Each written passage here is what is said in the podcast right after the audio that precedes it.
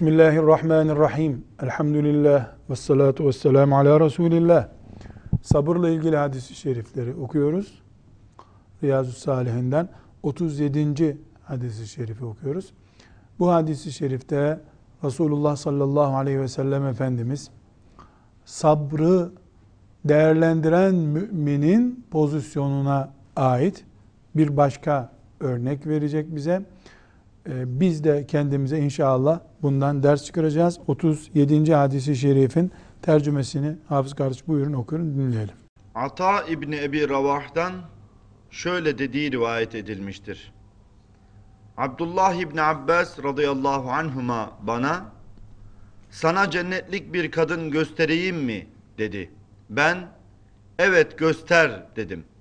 İbni Abbas şöyle dedi. Şu iri yarı siyah kadın var ya işte bu kadın bir gün Nebi sallallahu aleyhi ve selleme geldi aleyhi ve ve beni sara tutuyor ve üstüm başım açılıyor. İyileşmem için Allah'a dua ediniz dedi. Nebi sallallahu aleyhi ve sellem eğer sabredeyim dersen sana cennet vardır. Ama yine de sen istersen sana şifa vermesi için Allah'a dua ederim buyurdu. Bunun üzerine kadın ben hastalığıma sabrederim. Ancak sara tuttuğu zaman üstümün başımın açılmaması için dua buyurunuz dedi. Nebi sallallahu aleyhi ve sellem de ona dua etti. Hadis-i şerifimiz Buhari'de ve Müslim'de zikrediliyor. Ee, hadis-i şerifte anlatılan ne? Bir kadın sara hastası. Sara nasıl bir hastalık? Hastayı yakalayınca sokakta, evde, nerede bulursa yere düşürüyor. E, eli, ağzı böyle kilitleniyor. Allah muhafaza buyursun. E, Zor bir hastalık. Tedavisi kolay değil. Ne zaman yakalayacağı belli olmuyor. Bu kadıncağız, iri yarı bir kadın. Böyle bir hastalığı var. Akıl edip Resulullah sallallahu aleyhi ve selleme geliyor. Kendisine dua etmesini istiyor. Peygamber dua ederse muhakkak bu hastalıktan kurtulurum düşünüyor. Doğru mu? Doğru.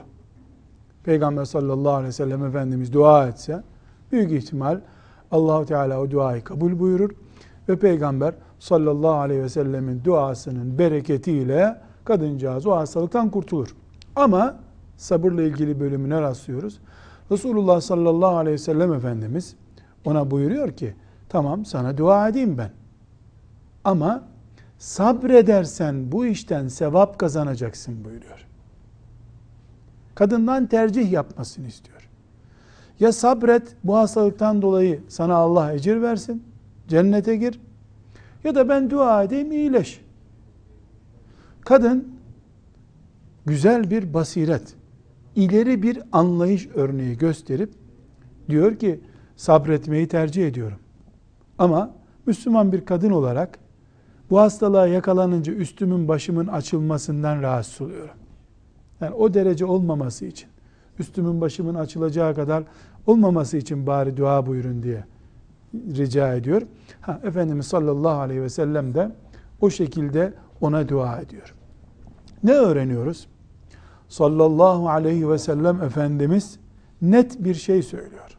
Eğer bu kadıncağızın bu hastalığı devam eder ve bu da sabrederse yani dua gibi bir mucizeyle veya işte bir benzer sebeple e, dış müdahaleyle iyileşmesinden yana değil hastalığa karşı sabredip beklemekten yana bir tavır koyarsa bunun kendisine sevap kazandıracağını haber veriyor. Kadıncağız da o tarafı tercih ediyor. Ama ricası da çok hoş ve çok hassas. Üstüm başım açılıyor bu hastalıkta ya Resulallah. Yani kendisine hakim olamıyor, kıvranıyor. Ha, bu üstümün başımın açılmaması kadar bari dua buyurun diye istiyor. Efendimiz sallallahu aleyhi ve sellem de o bölümü dua o şekilde ona dua ediyor. Demek ki mümin sara hastalığına veya işte benzeri bir hastalığa yakalanır. Tedavisini de bulamadığı için ömür boyu onunla uğraşırsa ömür boyu sevap halinde yaşıyor demektir. Bu Allahu Teala'nın cenneti kazan, cennetini kazanmasına e, vesile olacak bir yol üzerinde olduğunu gösteriyor demektir. Bir örnek daha sallallahu aleyhi ve sellem bize verdi. Bu örnekte de müminin başına gelen sıkıntıların mümin için nimet olduğunu ve mümine ecir kazandıracağını e, söylemiş oldu aleyhissalatü vesselam Efendimiz. Şimdi burada önemli bir nokta var. Peki bu şöyle bir tavsiye midir? Resulullah sallallahu aleyhi ve sellem hasta olan herkese sakın tedavi olma, hastalığın sayesinde sevap kazan mı demek istiyor? Hayır. Öyle demek istemiyor. Çünkü aleyhissalatü vesselam Efendimiz e, tedavi olun Allah'ın kulları diye tembihatta bulunmuştur. Allah ilacını indirmediği bir hastalık indirmemiştir. Hangi hastalık indirdiyse Allah şifasını da vermiştir diye müminlere yol açmıştır. Dolayısıyla hastalıktan tedavi olmayın demiyor. Ama bu kadın tedavi yolu aramıyor. Bu kadın dua ile iyi olma yolu arıyor. Halbuki hastalıktan tedavi ile iyi olmak lazım. E, bu kadından sonra Resulullah sallallahu aleyhi ve sellem'den sonra sara hastalığına yakalananlar kime gidecekler de dua alacaklar, tedavi olacaklar? Hep peygamber yok ki. Evet, Peygamber aleyhisselam efendimiz e, bir taşa bile tutsaydı, kalk yerinden deseydi kalkardı belki. O ayrı bir konu. Ama Efendimiz sallallahu aleyhi ve sellem böyle bir çığır, o kadın üzerinden böyle bir çığır açmak yerine doğal süreci ona gösteriyor. Yani sen sabret, kazan diyor ama illa madem geldin e, seni dua etmemi istiyorsan dua da ederim şeklinde buyurmuş oluyor. Ama bu hiçbir zaman hastalığa karşı miskin miskin bekleme ve sevap kazanma anlamında değil. Evet hastalıktan sevap kazanır mümin doğru ama iyileşir daha kaliteli salih ameller yapar sevabın daha büyüğünü kazanır. İyileşir işinden gücünden kazanır yetim doyurur mücahit donatır daha çok sevap kazanır talebe okutur, daha çok sevap kazanır. Hastalıktan çok daha çok sevap kazandıran yollar var. E, mümin o yolları tercih etmesi daha önemli, daha evladır. Bir diğer hadis-i şerifte Efendimiz sallallahu aleyhi ve sellem sabır çizgisini, sabır dairesini büyütüyor, büyütüyor. Peygamberlerin sabra ait verdiği örneklerden söz ediyor. Yani peygamberler e, ümmetlerine başta sevgili peygamberimiz aleyhissalatü vesselam olmak üzere sabrı tavsiye ederken kendileri rahat yataklarında uyumadılar. Ee, onlar da sabrın en güzel, en muhteşem örneklerini ümmetlerine gösterdiler.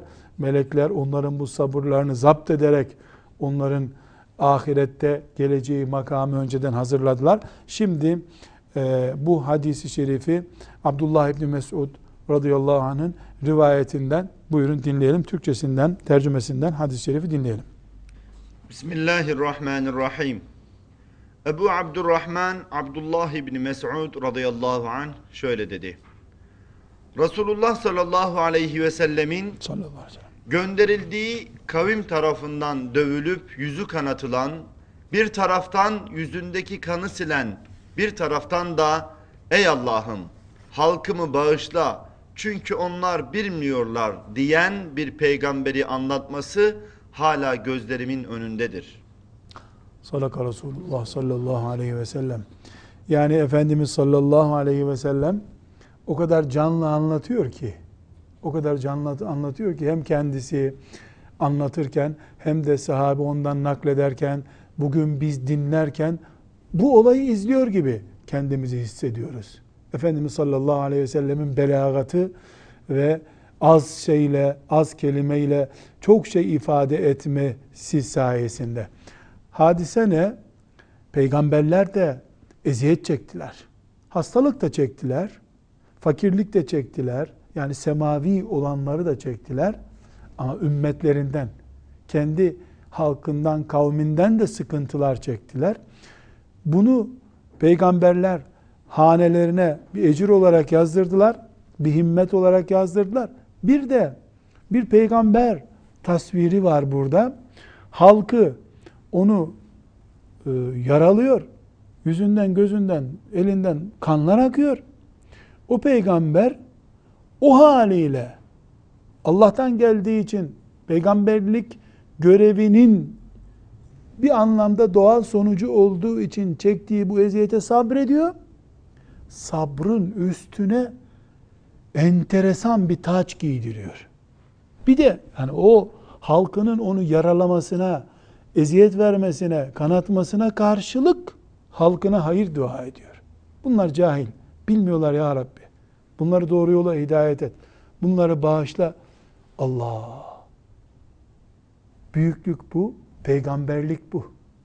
Hem o işkenceye yüzde yüz haksız, kendilerini imana ve cennete davet eden, kurtuluşa davet eden, helak olmaktan kurtulmaya davet eden peygambere eziyet ediyorlar. Peygamber o eziyeti bağrına basıyor. Ben sizinle mi uğraşacağım deyip çekip gitmiyor. Üstüne üstelik o eziyet edenler peygamber kanı akıttıkları için anında helak olabilecek büyük bir suç işledikleri için hemen Allah onları helak etmesin diye bunları affet ya Rabbi. Bunlar cahil anlamıyorlar bu işi diye muhteşem ve yürekler ürperten hoş bir e, ifadeyle peygamberliğin ve peygamber olmanın o büyük makamda bulunmanın adeta anlamı ve gereği olarak sabrın üstüne çok güzel bir taç giydiriyor. Kendisini sabretmesi gerekecek zulme düçar eden kavmine karşı bir de hayır duada bulunuyor peygamberler. Burada e, bu hangi peygamberdirden önemlisi bu peygamberlerin başında şüphesiz Allah'ın son peygamberi Muhammed sallallahu aleyhi ve sellem gelir. Onun Taif'te taşlanışı nasıl unutulur? Onun Şib'a Vadisi'ndeki muhasara altında kalması nasıl unutulabilir? Ashabının ve kendisinin hicret etmesi, o hicret anındaki tavırları nasıl unutulabilir? Hendek'te günlerce, haftalarca açlık çekmek zorunda kalması, müşrikler tarafındaki abluka yüzünden açlık çekmek zorunda kalması nasıl unutulabilir? Yani belki bütün peygamberler için bu sabır dönemi söz konusudur ama en büyük sabır örneği ibadette, ümmetinin eziyetinde, düşmanlarının eziyetinde, e, maddi sıkıntılarda, sağlık sıkıntılarında en büyük eziyetleri Resulullah sallallahu aleyhi ve sellem başta olmak üzere Allah'ın gönderdiği peygamberler çekmişlerdir. Ümmetlerine örnek olmuşlardır. Allah da şüphesiz onların ecirlerini zayi etmemiştir. Demek ki mümin insan Allah'tan gelene elbette beladır, mübarektir diye hemen kol kanat germiyor. Beşer olarak direnmeye çalışıyor. Ne gibi? Ev yapıyor mümin. Yağmur yağınca ıslanmasın, uyurken su altında uyumasın diye çatı yapıyor, çatısını kapatıyor. E Allah'tan gelen yağmuru niye engelleyeyim demiyor. Bela da böyle. Bela gelmesin diye uğraşır mümin. Belasız, afiyetli bir hayat yaşamak ister. Gelirse bela, onu def etmeye çalışır. Gönderen de Allah, belayı veren de Allah, kurtul bundan diyen de Allah. Kurtulmaya çalışır. Kurtulabilirse hamd eder. Elhamdülillah bu beladan, musibetten kurtuldum der. Kurtulamazsa sabır devreye girer. O onun için ecre dönüşür. Hangi musibet, hangisi olursa olsun nihayetinde bir diken bile batsa ayağına müminin Allah katında o ona ecirdir. 38. Ee, hadisi şerifte bu anlamı bize topluca ifade eden mübarek yine Buhari ve Müslim'in rivayet ettiği sahih bir hadis-i şerifi tercümesinden dinleyelim. Böylece e, illa taun veya işte peygamberlerin yaralandığı kadar yaralanmaktan ibaret olmadığını musibetlerin küçücük bir musibete bile allah Teala'nın en azından bir günahını mağfiret etmek, bir derecesini yükseltmek, hanesine bir hasene yazmak gibi bir karşılık muhakkak verdiğini bu hadis-i şeriften göreceğiz. 38. hadisi şerifin tercümesini buyurun dinleyelim. Bismillahirrahmanirrahim. Ebu Sa'id ve Ebu Hureyre radıyallahu anhumadan rivayet edildiğine göre Resulullah sallallahu, aleyhi ve Sallallahu sellem aleyhi ve şöyle sellem. buyurdu. Yorgunluk, sürekli hastalık, tasa, keder, sıkıntı ve gamdan ayağına batan dikene varıncaya kadar Müslümanın başına gelen her şeyi Allah onun hatalarını bağışlamaya vesile kılar. Ya işte müjde bu. Nedir? Yorgunluk. Tarlada çalışıyor. İşe evi uzak. Vasıta bulamıyor. Kilometrelerce gidiyor. Akşam bitkin eve geliyor. Bu eziyet mi? Eziyet. İnsanın bir klimanın altında oturup çoluk çocuğunun rızkını kazanması da mümkün. Güneşin altında kavrularak bahçede, bağda, tarlada çalışarak rızkını kazanması da mümkün. İkisi de rızık yolu. Bir kuluna Allah klimanın altında keyifli kazanç yolu açmış. Öbür kuluna da tarlanın içinde kavrulacağı bir sistem kurmuş Allah.